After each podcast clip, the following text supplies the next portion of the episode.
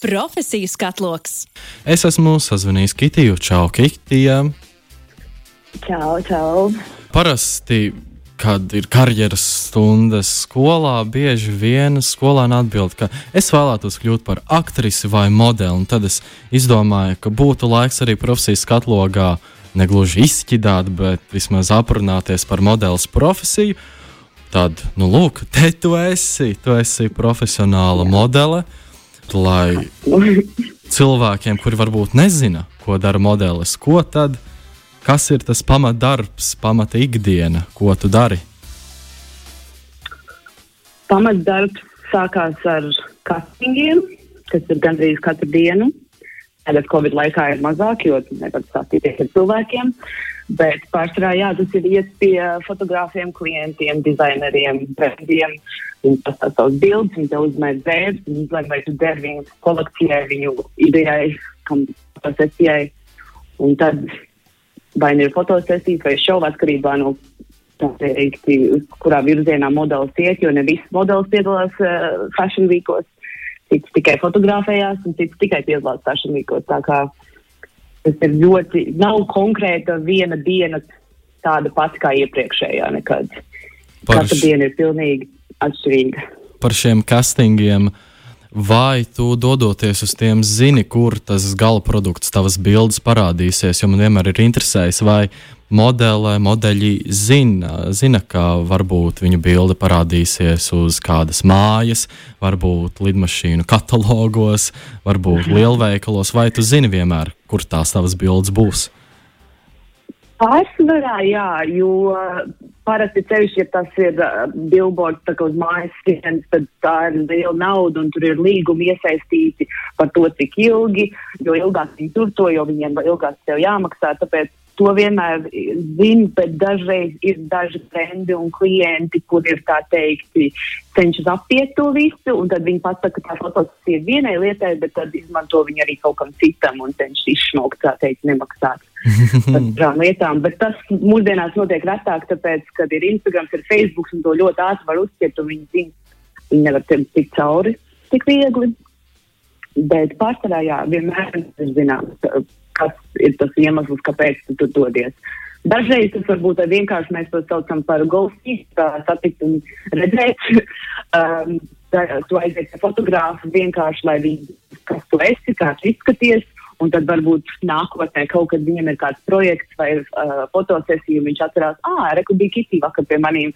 Uh, tieši ir tāds izskats un tas viss, ko mums vajag fotosesijai nākamnedēļ, un tad viņi zvana. Tās ir vienīgās reizes, kad nav īsti konkrēts darbs aiz skatinga. Tu minēji par to, ka ir tas castings, un uh, otra daļa ir um, fashion week, staigāšana pa mēli. Kā tie norisinās? Jā, Fashion Week notiek divas reizes gadā, un parasti tas jau ir zinām laicīgi, tāpēc, ka dizaineri plāno savus šovus, un tas, tur ir daudz cilvēku, kas tā stāv, daudz organizēšanas, un tāpēc viņi jau laicīgi zina, kurā dienā viņiem būs šovs, un modelis zina, kurā dienā būs casting, būs vismaz kurā mēnesī. Parasti tas ir uh, augusts, um, augusts beigas, septembris vai uh, februārs, marts tie divi, tas divas reizes gadā, tāpēc, kad mēs mums iesavātās ir sākot no Ņujorkas, tad ir, ā, tad ir Londona, Milāna un Parīze, vai nu tu ceļo pa visām četrām pilsētām, vai izvēlies tikai vienu, vai tikai paliec Eiropā un pilsētām ceļo. Bet pārsvarā tas ir zināms jau laicīgi, jo tad Fashion Week ir ļoti mentāli un emocionāli un fiziski grūts laiks. Tas ir vesels vairāk kā mēnesis, kad tu skraidi riņķī uz kastingiem, uz šoviem, uz fittingiem. Tev nekad nekas īsti nebūs zināms līdz pēdējiem brīdim. Uh, tāpēc aģents to sagatavoja modeli sev laicīgi, un tu jau tā kā mentāli centies mēnesis maz pirms tam sagatavoties, lai tu zini, kas būs priekšā. Ka, kuras ir, ir tās trīs, uh, varbūt trīs galvenie rituāli, darbības, kuras tu parasti piekopi pirms fashion weekiem? Pirmais ir noteikti savu matu un ādu, lai ir perfektā formā, perfekti izskatīties. Uh, parasti tiek aizsūtīts modelis, es vismaz vienmēr to izdaru aiziet pie frizierija, uh, apgriezt galus, varbūt nedaudz gaišāks mats padarīt vai tumšāks atkarībā no sezonas, atkarībā no feelinga, bet tā, tā lai viss tīklos vienkārši sakotās un savāktāk.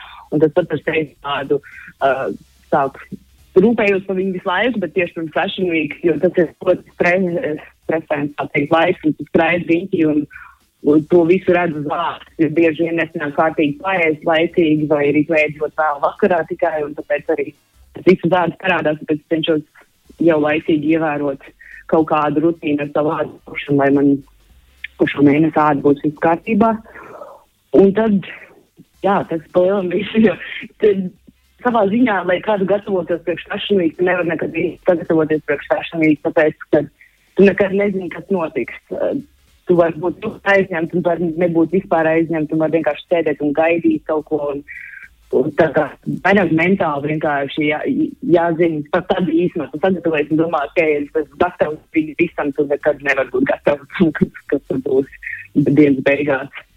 Par uh, skaistumu kopšanu runājot, frizieris, varbūt manikīrs, pedikīrs uh, maksā naudiņu, vai tas tev tiek finansēts, vai arī tas nāk no tālmāk ārā? Tas nāk no manas kabatas ārā, tas netiek finansēts. Tas katrai meitenei pa labam.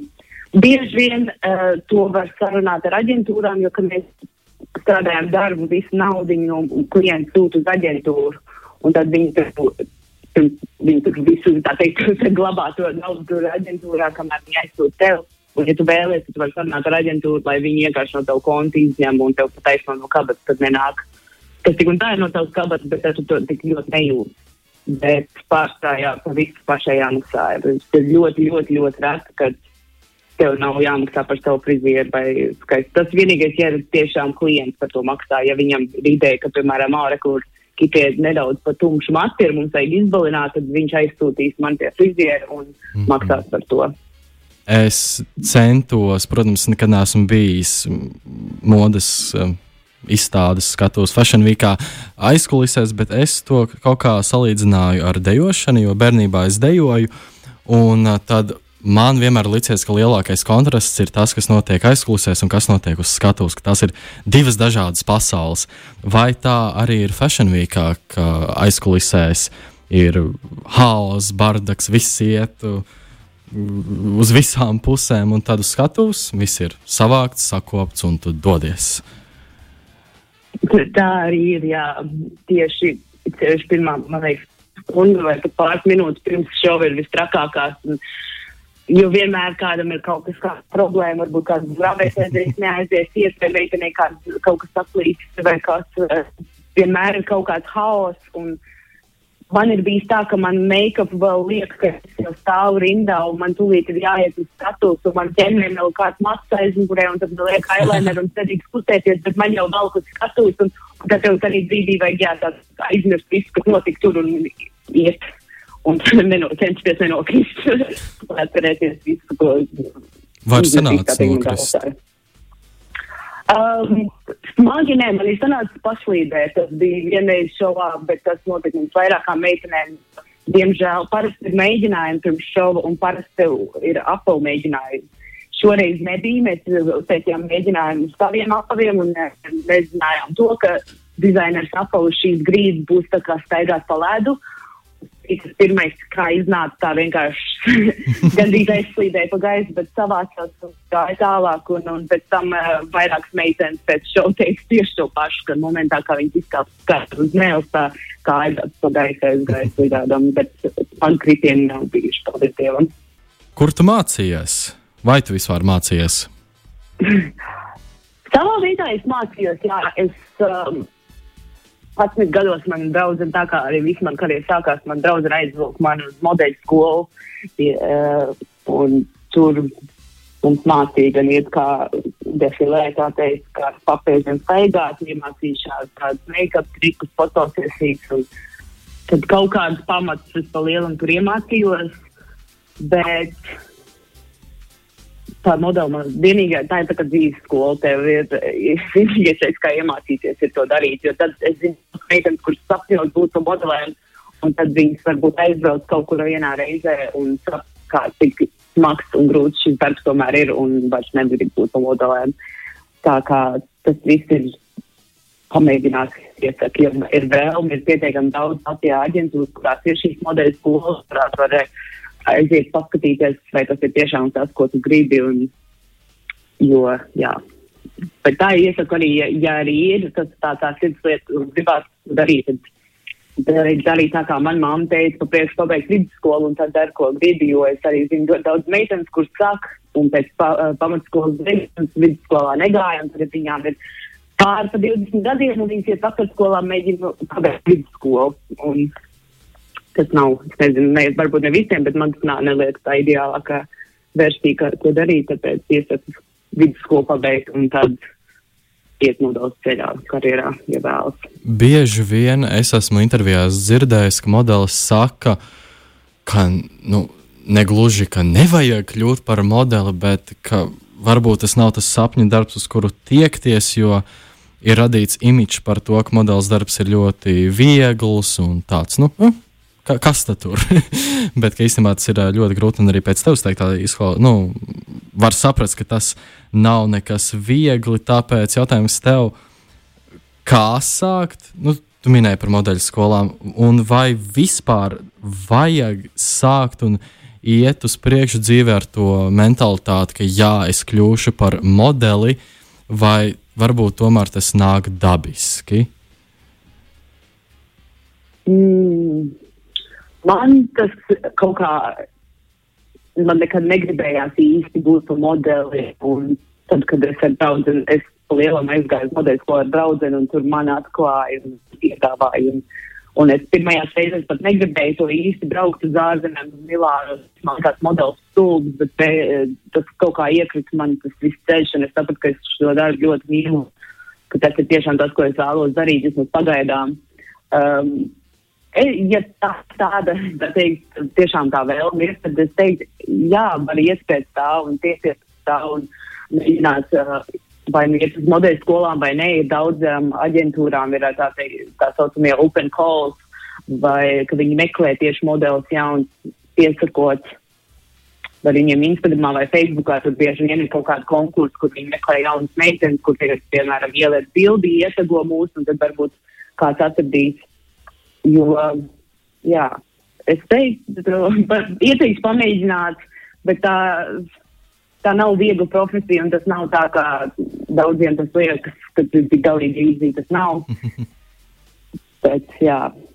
Teikt, jā, kāpēc nē, jo tā arī ir viena no tādām profesijām, ko tu tikai vienā brīdī vari darīt. Tas, lai gan tagad laika mainās, un ir arī vecāks modelis, un ir visādi pusizmēri, un uh, tievās, un garas, un īsts, un visu veidu, tas tomēr ir tāds brīdis, kad tu to vari, kad, man liekas, gan mentāli, gan arī fiziski darīt, un tad pēc tam pievērsties tam citam. Tāpēc es to daru pagaidām, kamēr es vēl varu, un tad es iet tālāk savā dzīvē. Ko pēc tam parasti dara? Vai pietiek naudas, lai es varētu doties pensijā un viss neuztraukties par darbu līdz pat, līdz pat kapam? Kā, kur, kuram, eh, protams, ja tas tiek top modelis statusā, tad varbūt pat ir iespēja no 16 gadiem jau tāda pelnīja tādu naudu, ka pēc tam pēc 30 gadiem nav jāstrādā. Tāda, man liekas, diezgan garlaicīga dzīve, kur, sēdēt un neko nedarīt.